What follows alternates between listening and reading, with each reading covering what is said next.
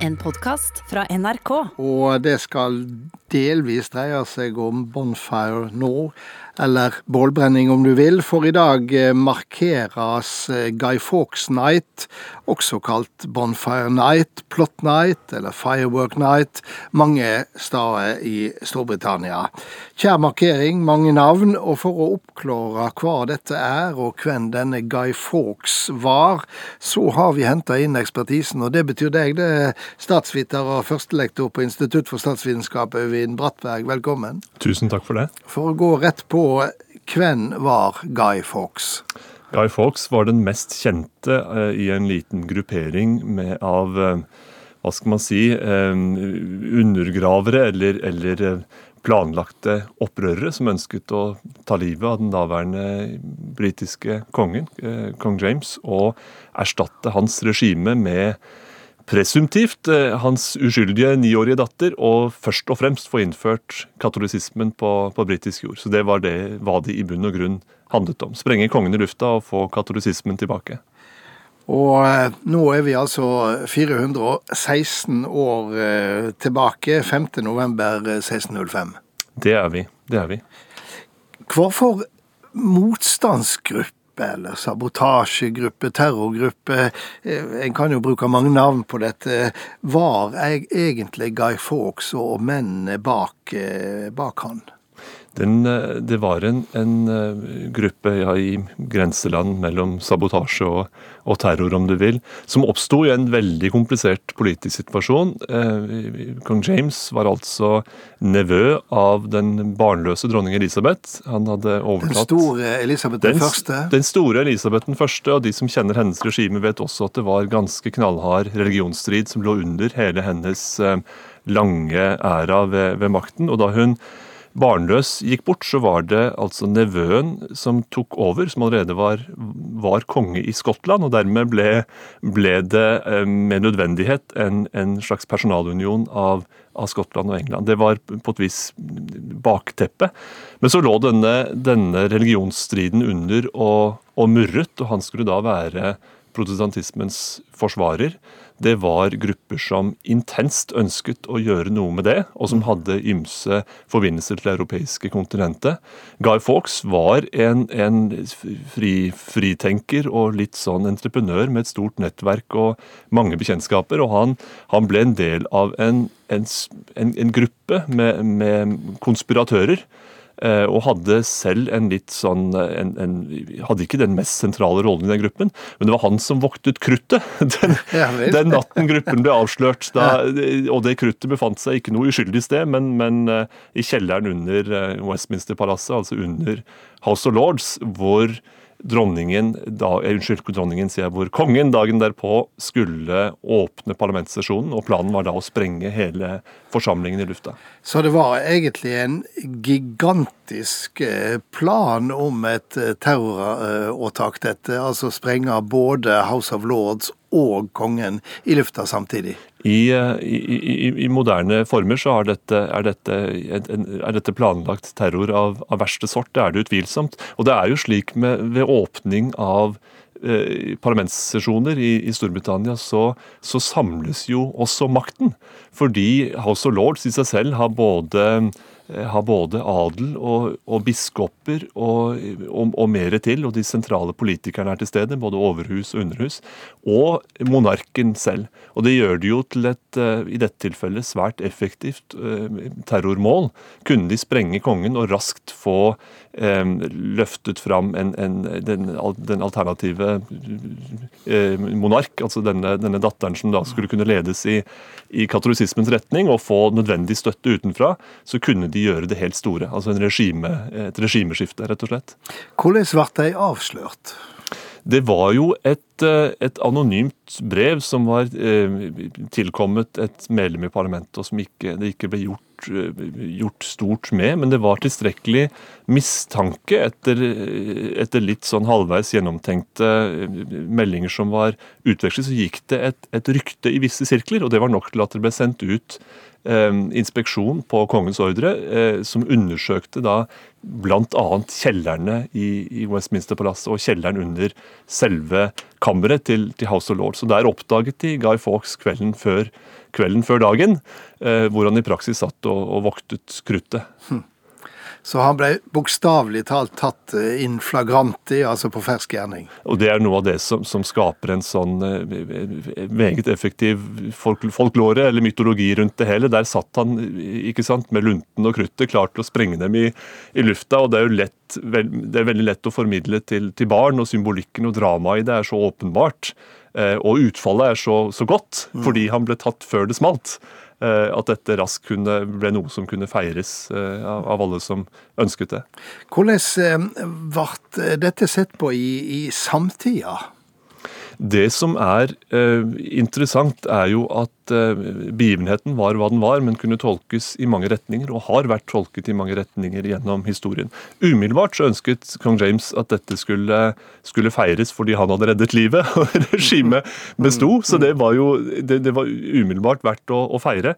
Og bare Eh, få måneder etter, altså i januar, da har det bare gått et, et par måneder, de åtte gjenlevende i denne terrorgruppen skulle, skulle, henrettes. Og omtrent parallelt med det så ble det et parlamentsvedtak om at dette skulle bli en offentlig, eh, offentlig feiring, årlig offentlig feiring, hvor man dels skulle feire kongens overlevelse, og dels feire protestantismens, eller den anglikanske kirkens eh, ve og vel, og at man hadde holdt eh, fæle, det fæle katolske alternativet ute. Så det var de to parallelle mål. Ja, Du er fremdeles med oss her, statsviter Øyvind Brattberg, og vi har snakka om datoen i dag, 5. november, som altså kalles Guy Fawkes Day i Storbritannia, og blir markert stort. Og, og Hvorfor blir denne dagen stadig markert? Det er jo tross alt eh, til minne om noe som skjedde for over 400 år siden. Det er jo en, eh, en tid på året hvor noen hver kan, eh, kan trenge en fest og, og sette omgivelsene i lys lue. Så det, det, tror jeg nok er noe av, av, grunnen til at det har bestått som en, en folkelig høst, høstforlystelse, kan man si. Og så er det jo, det har jo også et historisk opphav som kan tolkes litt romslig i flere retninger, enten man er eh, historisk sett har vært patriot, monark eller protestant, eller bare ønsker en god fest, så, så har det vært mulig å samles om, eh, om, om Guy Fawkes Night. Hvordan eh, blir den markert? Det er jo nokså forutsigbart, da, med, med, både store bål og, og fyrverkerier. Eh, og og omkringliggende eh, servering av ymse, ymse drikker. Og, og, det man ellers måtte, måtte, komme over. Så det har jo en litt eh, Det har jo en karakter som, som Tja, det minner jo en, en smule om sankthans pluss plus fyrverkeri, men at omgivelsene er jo langt mer virkningsfullt når det er stummende mørke, slik det jo er på kveldstid på denne tiden av året. Høres ut som en miks av sankthans og nyttårsaften. Det er nok truffet på kornet. um, har betydninga av um, denne feiringa og av Guy Fawkes Night uh, endra seg i løpet av åra? Den har endret seg i takt med hva som har vært, uh, som har vært formålstjenlig for de, den til enhver tid sittende monark og den politiske eliten. Og det var et, det, det, Tradisjonen var jo en, veritabel kasteball gjennom 1600-tallet. Eh, et, et, århundre med, med mange dramatiske eh, omstendigheter i, i politikken.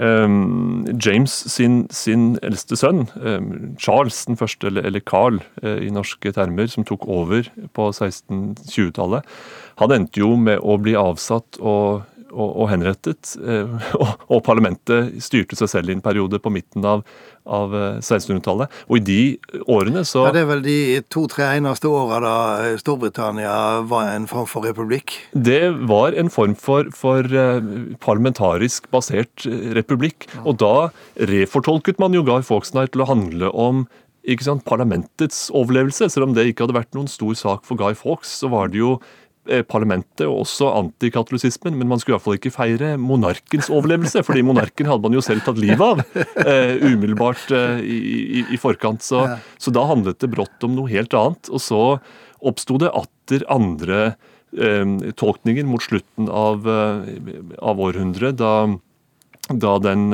innkomne kong, kong, kong, William, som ble da importert så å si på det tidspunkt. Hans bursdag sammenfalt omtrent med, med Guy Fawkes Night, og han ønsket ikke noe voldsom turbulens omkring det, men man kunne saktens feire hans fødselsdag og, og alle gode ting, og en liten dose antikatolisisme også.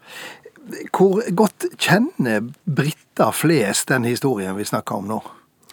Jeg tror mange, svært mange kjenner 1605-hendelsen. Eh, eh, fordi, fordi, krutt og drama og, og, og, gutten som, eller mannen som blir avslørt siste kveld, eh, der de kommer speidende gjennom kjelleren, det er så lett å, å formidle og lett å huske. Så vet man at det handler noe om eh, protestantisme og, og eh, katolisisme, og litt om, om, kongen og litt om det ene og det andre. Men heftigheten i religionsstriden der tror jeg de færreste har noe ordentlig grep om i dag. Vi kan i hvert fall slå fast at det er adskillig roligere å være statsoverhode i Storbritannia eh, nå enn for 416 eh, år siden. Eh, vi så jo også dronning Elisabeth sende videohelsing til klimakonferansen i Glasgow da den starta. Det er jo mange briter som har bekymra seg for helsa hennes. og du kjenner jo Storbritannia veldig godt. Det er på en måte som de er litt på tå hev akkurat når det gjelder eh, sin egen dronning nå. De er eh, definitivt på, på tå hev, og det ble tolket som et ganske eh, ganske så dramatisk omslag da det ble klart at dronningen ikke skulle være til stede ved konferansen, fordi hun hadde tillyst at dette var en, en, et stort og viktig oppdrag for henne, og det er svært sjelden man ser dronning Elisabeth være sykemeldt eller tre tilbake fra, fra offentligheten. Og så er det vanskelig å, å, tolke signalene fordi de av naturlige grunner holdes, eh, holdes, holdes, noe informasjon tilbake. Man går ikke i detalj om hennes, hen, eh, om hennes helse, hvorvidt det er mer enn en eh, utmattelse osv. Men hennes høye alder tatt i betraktning, så er det med god grunn at mange er bekymret når man får denne typen signaler fra Buckingham Palace.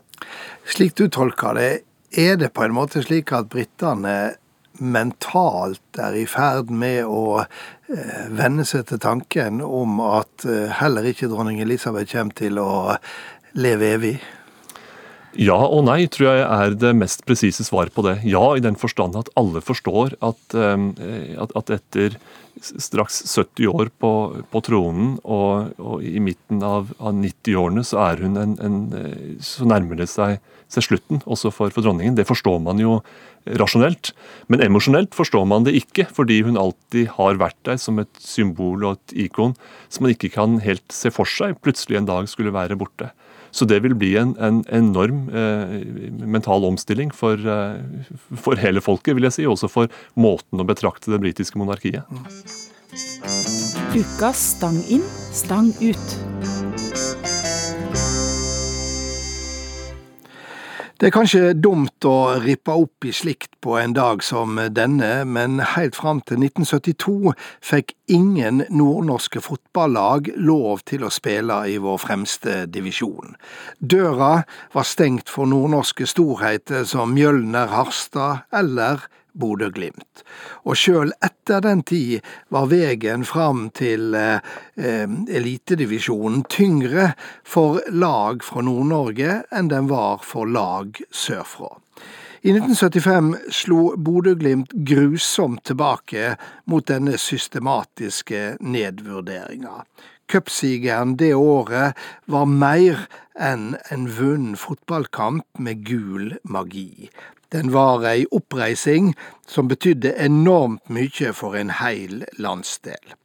Det var den gangen alle fra Nord-Norge kjente seg som bodøværinger, og det var en prestasjon som fikk store ringverknader langt utafor idrettens rekker.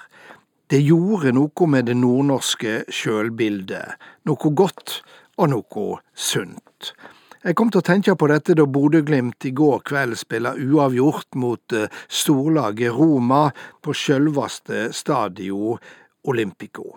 En stor prestasjon av Kjetil Knutsens menn etter den helt utrolige 6-1-sigeren heime på Aspmyra. Da freista trenerlegenden José Mourinho og klager på underlaget, været og et laguttak som nok undervurderte Bodø-klubben.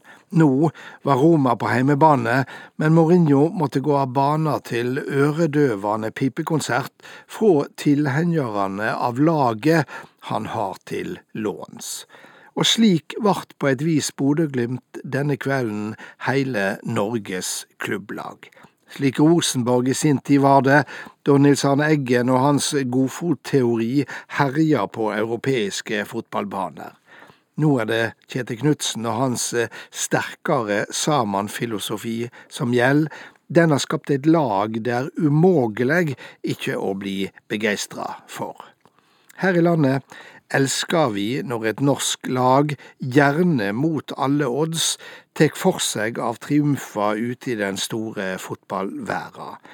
Da er det ikke bare den sunne sida av sjåvinismen vi ser, det er også vår hang til å heie fram underdoggen. Og ekstra grunn til å juble er det når den som så suverent syner seg fram, kjem nordfra. Vi snakker om fotball, ja vel, men det er ikke uten grunn at den er kalla verdens viktigste bagatell. Så tilhører jeg da også de som tror slikt har en viktig dominoeffekt. At det gjør noe med hele stemninga i byen der heltene kjem fra, som har betydning på andre områder enn fotballens, og at slikt forplanter seg som et eksempel for resten av landet.